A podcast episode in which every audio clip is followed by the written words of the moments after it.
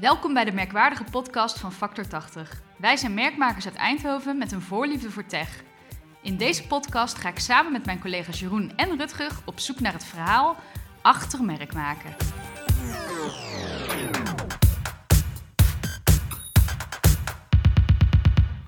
Welkom. Lonneke voelt zich nog een klein beetje ongelukkig met deze situatie. Alle twee een hoofdtelefoon op en een microfoon voor onze mond.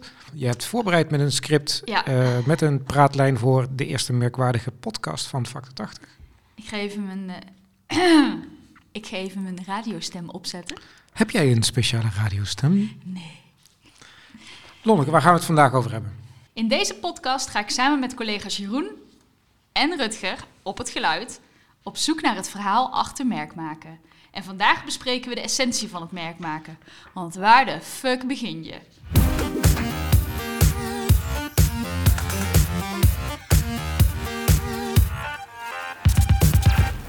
Nou Jeroen, waar de fuck begin je? Ja, dat is een goede vraag. Ehm, ik denk in ieder geval altijd bij jezelf. Ehm, een merk bouwen doe je vanuit de kern van de organisatie. Die hangt heel dicht tegen cultuur aan, denk ik. Ehm, en dat is ook waar je begint met de ontdekkingstocht. Wie ben ik eigenlijk? Ik denk dat dat de belangrijkste vraag is om jezelf te stellen als je wilt beginnen met een merk maken. Ehm, terug naar de basis, wie ben ik? En niet wat doe ik, want dat is natuurlijk altijd de fout. Ik lever een glas thee of ik lever een stekkerdoos. Nee, waarom lever ik een stekkerdoos of waarom lever ik thee? Ik denk dat dat de essentie is van het merk maken in de huidige tijd. Ehm, En jij, Maar- jij zegt, ik begin bij jezelf. Maar hoe doe je dat als je een heel groot bedrijf bent? Wat mij betreft is, we, we, we werken veel in de, in de zakelijke omgeving, B2B. ehm, en daar zijn het vooral de mensen die het merk maken, omdat je eh, eh, de mens achter het product heel vaak tegen zult komen in, in het aankoopproces, in het eh, beslissingsproces, in de daadwerkelijke service achteraf of de installatie of eh, het gebruik van het product. Eh, dienstverlening zit er natuurlijk heel erg in, zoals wij dat zelf hebben. Ehm, en dan denk ik dat de, de- het collectieve EQ van Mhm. je organisatie je merk in principe maakt. Dus je moet op zoek gaan naar het collectieve EQ. En hoe, dan? Hoe dan? Ja, wij, wij gebruiken daar de, de methode 23 plus 1 voor. Dat is een methode die uitgaat van menselijke drijfveren. En eigenlijk zeg je dan ook al meteen eh, dat je eh, menselijke drijfveren toevoegt aan je merk. Of door het inzetten van menselijke drijfveren of het, het ontleden van menselijke drijfveren en die in je merk te stoppen, is het voor de ontvanger van je merk, is het ook meteen herkenbaar. Mhm. En doordat dingen herkenbaar zijn, zul je ze makkelijker een plekje kunnen geven. En kun je daarin makkelijker je merk bouwen op basis van emotie. Wat, wat zijn dan drijfveren die je kunt hebben als merk? Als ik een eh, voorbeeld... eh, Nou, dat, de, ehm, wat ik al zei, het zijn er 24. Hens de, eh, de naam 23 plus je hoeft ze 1. niet allemaal te noemen hoor. Nee, dat snap ik. Ehm, Welkom bij de podcast. We gaan ze allemaal opnoemen. nee, er is een mooie website voor 23plus1.org. Daar kun je ze allemaal opzoeken. Eh, je mag me uiteraard ook gewoon bellen als je het wil weten. Maar ehm, nou ja, een van de belangrijke die wij zelf hebben is nieuwsgierig en ontdekken. Dat is een menselijke drijfveer. En het gaat erom dat het... Er zijn meerdere, meer menselijke drijfveren, maar deze zijn degene die bijdragen aan blijdschap of geluk of happiness, eh, om, het, eh, om het maar te noemen. Die, die, die wil je natuurlijk toevoegen aan je merk. Je wil geen negatieve drijfveren toevoegen aan je merk, want daar bereik je niet zo heel veel mee. Dus het gaat er vooral om om positieve drijfveren toe te voegen aan je merk. Ehm, en nieuwsgierigheid ontdekken is er eentje van. Dat is waarom je als mens morgens je bed uitkomt of uit wil komen, waardoor je gedreven wordt. In principe heeft iedereen al die 24 drijfveren altijd bij zich, in grote of in kleinere zin, meerdere of mindere mate, eh, dominant of minder dominant. En die ga je dus toevoegen aan je merk. Maar dat betekent dus dat je met je, met je organisatie moet gaan kijken van wat heb ik voor mensen aan boord? Kunnen die die drijfveren die ik wil toevoegen aan mijn merk, niet Mhm. ik als factor 80, maar de, de klanten die we hel- helpen. Welke zes? Want ze hebben eh, gezien dat zes drijfveren toevoegen aan je merk eh, voldoende focus biedt, maar ook voldoende spreiding biedt qua eh, aanspreken van verschillende soorten drijfveren. En daar moet je een mooie dynamiek in zien te vinden. En daar moet je dan in je organisatie op gaan sturen om je medewerkers, je collega's ehm, te laten doen en denken volgens die drijfveren. Mhm. Zodat je niet aan de, in- aan, aan de voorkant alleen maar belooft eh, wie je bent als merk, maar dat je het daarna ook gaat waarmaken. Ik bedoel, eh, belofte maakt schuld is natuurlijk niet voor niks een, eh, een mooi gezegde. Als je als marketing, want dat is natuurlijk vaak waar het merk zijn origine heeft. ehm, als je daar dingen belooft, dan moeten je collega's het daarna gaan waarmaken. En dat doet niet alleen de collega van sales, eh, maar dat doet ook de collega van finance die ervoor zorgt dat er een goede factuur komt die begrijpbaar is. Of de afdeling HR die ervoor zorgt dat de juiste mensen worden aangenomen om nog meer en nog beter dat merk te maken. Wil voorkomen dat we daarmee een organisatie willen creëren die heel erg nauw is en alleen maar dezelfde soort mensen heeft. Want het gaat niet om dezelfde soort mensen. Het, zijn, het gaat erom dat je met z'n allen van, vanuit een stukje authenticiteit diezelfde drijfveren kunt laden. En eh, dat je daarmee het merk die drijfveren kunt laten ademen. Je vertelde net eh, over 23 plus 1 en eh, het laden van je merk met de drijfveren. En een drijfveer kan bijvoorbeeld nieuwsgierigheid zijn. En Mhm. vervolgens moet je dat gaan laten leven door je organisatie. Hoe doe je dat? Hoe breng je dat in in je organisatie? Wat als er een eh, Pietje zit die zegt, nieuwsgierig? Mm. Wat doe je daarmee? Nou, dat, dat is een. Het Dat is een is een tweeledige vraag eigenlijk. knap- inderdaad. Hoe doe je het? En wat als je iemand tegenkomt die daar gewoon eigenlijk helemaal niet bij past bij die merkwaarde? vraag 1, hoe doe je het? Ik denk dat dat per organisatie echt verschillend is. Zijn er methodieken voor? Hmm, nee. Ehm, behalve goed nadenken over al je customer journey touchpoints, Mhm. je customer experience. En ik, ik zeg eigenlijk altijd, je, je moet dit soort dingen willen vastpakken van de, het kleinste ding, je out-of-office reply, Ja. tot het inrichten van je showroom of je, je entree van je organisatie, tot eh, je corporate presentatie die iedere salesman of vrouw eh, mee Tot heeft. de jingle van je podcast? Tot de jingle van je podcast, inderdaad, die speciaal voor ons geschreven is. Ja, hit het Rutger.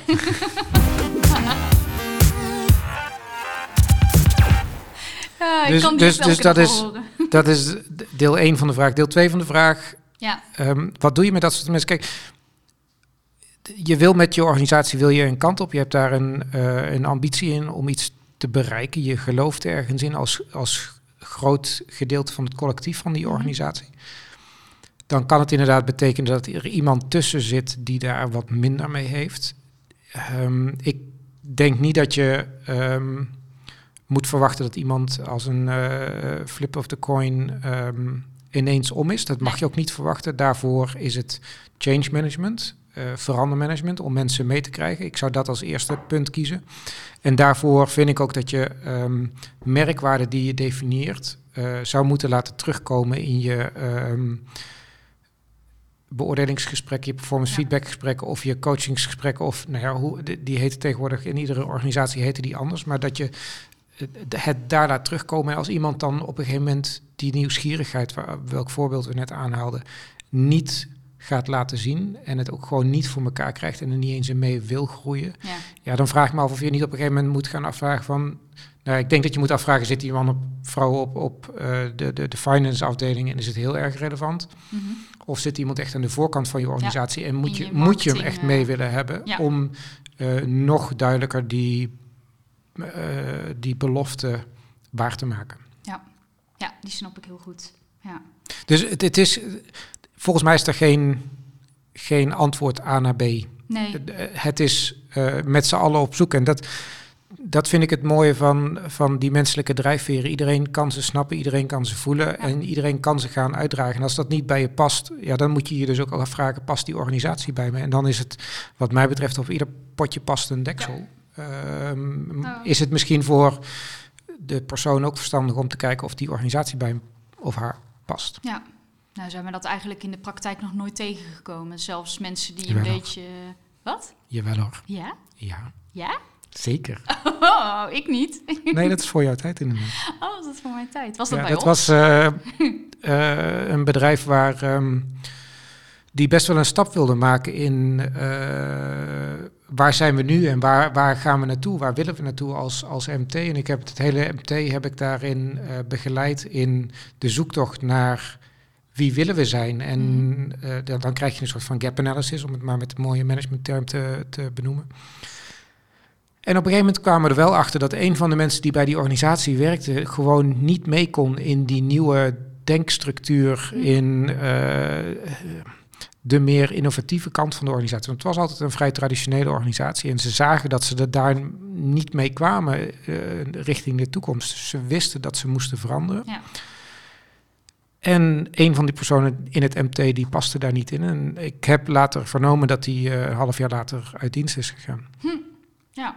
Ja, nou ja. En of dat nou positief of negatief is, ik denk dat het in die end voor iedereen beter is. Want ik denk ook dat iemand die, en dan kom ik terug bij mijn uh, punt over authenticiteit. Um, als iemand het niet vanuit zijn teen of vanuit zijn hart of vanuit zijn onderbuik of vanuit zijn hoofd, waar, je, waar, waar het spiritueel gezien bij jou ook mag zitten, als je dat niet trekt, dan ga je het ook niet voor elkaar krijgen. Want dan moet je wel een vreks goede acteur zijn. Wil je, dat, wil je dat goed kunnen doen? Ja. En zeker als je dan iemand hebt binnen het MT die dat ook naar beneden toe moet uitdragen en zorgen dat, het, uh, dat die cultuur intern goed wordt. En ik denk dus daarin ook dat interne cultuur en het externe merk, dat is bijna een soort ja. van een-eigen tweeling ja. die, uh, die ervoor zorgt dat je het ook goed voor elkaar krijgt. Dus dat moet hetzelfde zijn.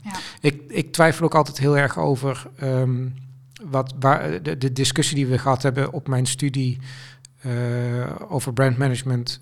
Um, zijn de marketeers bij Amstel, zijn het ook echt vrienden, de vrienden van Amstel. En uh, de, de, bij Unilever, en dat is natuurlijk een beetje gevaarlijk, want het is al een tijd geleden, ik begreep laatst ook dat het best wel veranderd is daar, dat um, de mensen van Dove en de mensen van Axe, die zaten op dezelfde afdeling. Ja. ja. hoe sterk en hoe krachtig is dan je merk? Of is het alleen dat dunne laagje chroom aan de buitenkant, omdat ja. je er heel veel advertenties aan vastknoopt? Ja. En ik denk dat een sterk merk een merk is wat in die end zonder betaalde advertenties het zou moeten uh, houden. Want we hebben het nou over de, uh, de drijfveren gehad. Uh, om eenduidigheid te krijgen in een organisatie, om te weten waarom je iets doet en dat ook uit te dragen. Maar wat is dan het effect daarvan op klanten? Wat als je het stel dat je het niet hebt en stel dat je het wel hebt, wat is het verschil? Ik denk dat een sterk merk in, aan de ene kant herkenbaar is. Mm -hmm. Ik denk dat dat belangrijk is en ik denk dat herkenbaarheid zorgt voor loyaliteit in die end. Uh, positief of negatief, uiteraard. Want uh, ik, ik, denk ook dat je daarmee misschien zelfs wel een bepaalde slag klanten uh, niet afschrikt, maar wel niet per se aantrekt, omdat het niet bij je past. Dat vind ik ook niet zo heel erg. Je, je hoeft ook niet met iedereen vriendjes te worden. -hmm. Ik denk dat een sterk merk dus die herkenbaarheid heeft en dat je um, vanuit duurzaamheid, en dan niet duurzaam groen, maar duurzaam lange termijn, een merk ontwikkelt wat af en toe wel eens tegen een stootje of een deukje kan bij je bestaande klanten, omdat je dusdanige uh, um, mindset hebt opgebouwd bij die klant, hm. dat je daar niet zomaar uitkomt. En dat is een beetje wat we proberen te doen met die menselijke drijfveren, is uh, omdat het zo goed herkenbaar is voor een mens, om het in het onbewuste van, een, van je ja. brein terecht te komen. Ja. Um, we, we, we, spreken volgens Daniel Kaman uh, systeem, systeem 1, systeem 2 denken. Uh, we doen 97% van alles wat we op een dag doen, doen we onbewust. Ja. En er is niks mooiers als merk om in dat onbewuste van je klant terecht te komen. Want dat ja. betekent dat hij gewoon daar vertrouwen in heeft. En vertrouwen zorgt gewoon voor dat je makkelijker zaken doet. En ik denk dat dat altijd prettig is in welke klant-leverancierrelatie dan ook. En nou een zijweggetje, hè? wat als je uh, een bepaald merk bent, gevestigd, en je gaat een, uh, een 3 plus 1 sessie doen, waaruit eigenlijk merkwaarden komen waarvan je nooit had gedacht dat je ze zou hebben. En je moet ze eigenlijk een beetje bijsturen. Hoe doe je dat in de praktijk? Want dan ben je niet meer zo herkenbaar. Wat dat betreft geloof ik niet in een revolutie, maar in een evolutie. Mm -hmm. Dus ik zou ook zeggen dat je, als, als daar echt zo'n zo'n groot uh, ja, gat zit, groot dus, gat uh, zit. Ja. Dan moet je daar, migratieplan vind ik wel heel erg softwarematig klinken. Uh, we zitten toch in de software? Ja, we zitten wel heel erg, dat weet ik. maar um, ik denk dat, dat je dat wel zou moeten doen. Dat je er Mhm. een soort van migratieplan of een, een change management plan of Ja. een, daar moet je een tijd voor uittrekken om dat voor elkaar te krijgen. Om ervoor te zorgen dat je niet te radicaal draait. Aan de andere kant denk ik ook wel dat als je, eh, nou goed, ik had net stekkerdozen. Stel dat je van stekkerdozen ineens eh, eh, geen stekkerdozen wil meer verkopen, maar software wil gaan verkopen. ja. Ja, dan is het de vraag, moet je dat langzaam doen? Of moet je dan gewoon Iets heel nieuws de, opbouwen. de, de, de pleister eraf trekken Ja. en in één keer eh full-blown omgaan en daar de juiste middelen tegen aanzetten om het, om het wereldkundig te maken. Maar je, je moet je cultuur meekrijgen. ehm, en als je ervoor zorgt dat je je huidige mensen dus bevraagt over wat vind jij Mhm. belangrijk als mens en wat, welke merkwaarde dicht jij toe op dit moment aan het merk en welke mm, drijfveren vind je dat we missen, Ja. dan kun je heel duidelijk daar een pad in uitstippelen hoe je dat eh, Ja. met z'n allen kunt gaan ombuigen. Want het is, ook daar geldt weer, ehm, en dat zeg ik ook heel vaak tegen klanten, van ik, ik wil je helpen, ik kan je helpen, ik kan duwen, ik kan trekken, ik kan spiegelen, ik kan prikkelen. Ja. Maar het is jouw merk. Jij moet het doen. Jullie moeten het doen. Jullie moeten het maken. Ik, ik kan niet met een paar leuke campagnes je merk maken. Dat moet je met z'n allen doen. Ja. En als dat niet gedragen wordt in die, in die organisatie, dan ga je dat niet voor elkaar krijgen. Je hebt dan je merkwaarde. Mhm. Ehm, nou, bij ons zijn het bijvoorbeeld eh, creativiteit, eh, aantrekkelijke, eh, aantrekkelijkheid. Is dat genoeg om richting te geven aan je merk? Of heb je meer nodig? Als je zeg maar een mooi pad wil uitstippelen of een, naar een tone of voice wilt, naar een huisstijl, wat heb je daarvoor nog meer nodig? Wat wij er altijd aan toevoegen is de keuze voor een archetype. Ehm, wat ik altijd probeer te zeggen, en daar misbruik ik een klein beetje de, de why, how, what van Simon Sinek voor. Maar eh, de, ik vind de drijfveren van, van 23 plus 1, zoals wij die inzetten, en die Mhm. zes die je daaruit kiest, dat vind ik meer de why. Waarom kom je als Ja. organisatie s'morgens je bed uit? En eh, waarom word je wakker? Waarom doe je de dingen die je doet? Wat, wat vind je belangrijk in het werk en het leven? Maar dan komt nog de keuze van, maar, maar welk, welk jasje, welk karakter trek ik aan? Ja. En hoe ga ik dan die drijfveren ook daadwerkelijk in de markt zetten? Ehm, en dan komt dus een archetype om de hoek en dat is... ehm, Ja, wat is een archetype? dat is een goede vraag. En ik, ik denk dat het wel een verstandig is om daar een keer een, eh, een hele sessie eh, podcast aan te wijzen, wijden. Ehm, maar waar het in basis om gaat, is, Carl Jung die heeft dat ooit bedacht dat je mensen in hokjes kunt stoppen. Daar zijn we natuurlijk als marketingmens heel erg goed in om mensen in hokjes te stoppen. Doelgroepen. Dat is gewoon mensen in hokjes stoppen. Ja.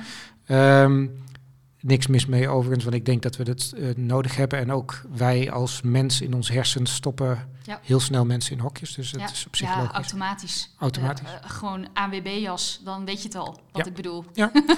Dus ehm, daar, daar zijn we als mens goed in. Dus de, Ja. ik denk dat het een goed hulpmiddel is, ook voor je organisatie, om ervoor te zorgen dat je helderheid hebt in wie zijn Ja. we en hoe zijn we Ja. naar buiten toe. Ja. En eh, je hebt er twaalf in het merk maken. Mhm. Ehm, de, de, de, de hero is er eentje, de, de sage, de wijze is er eentje.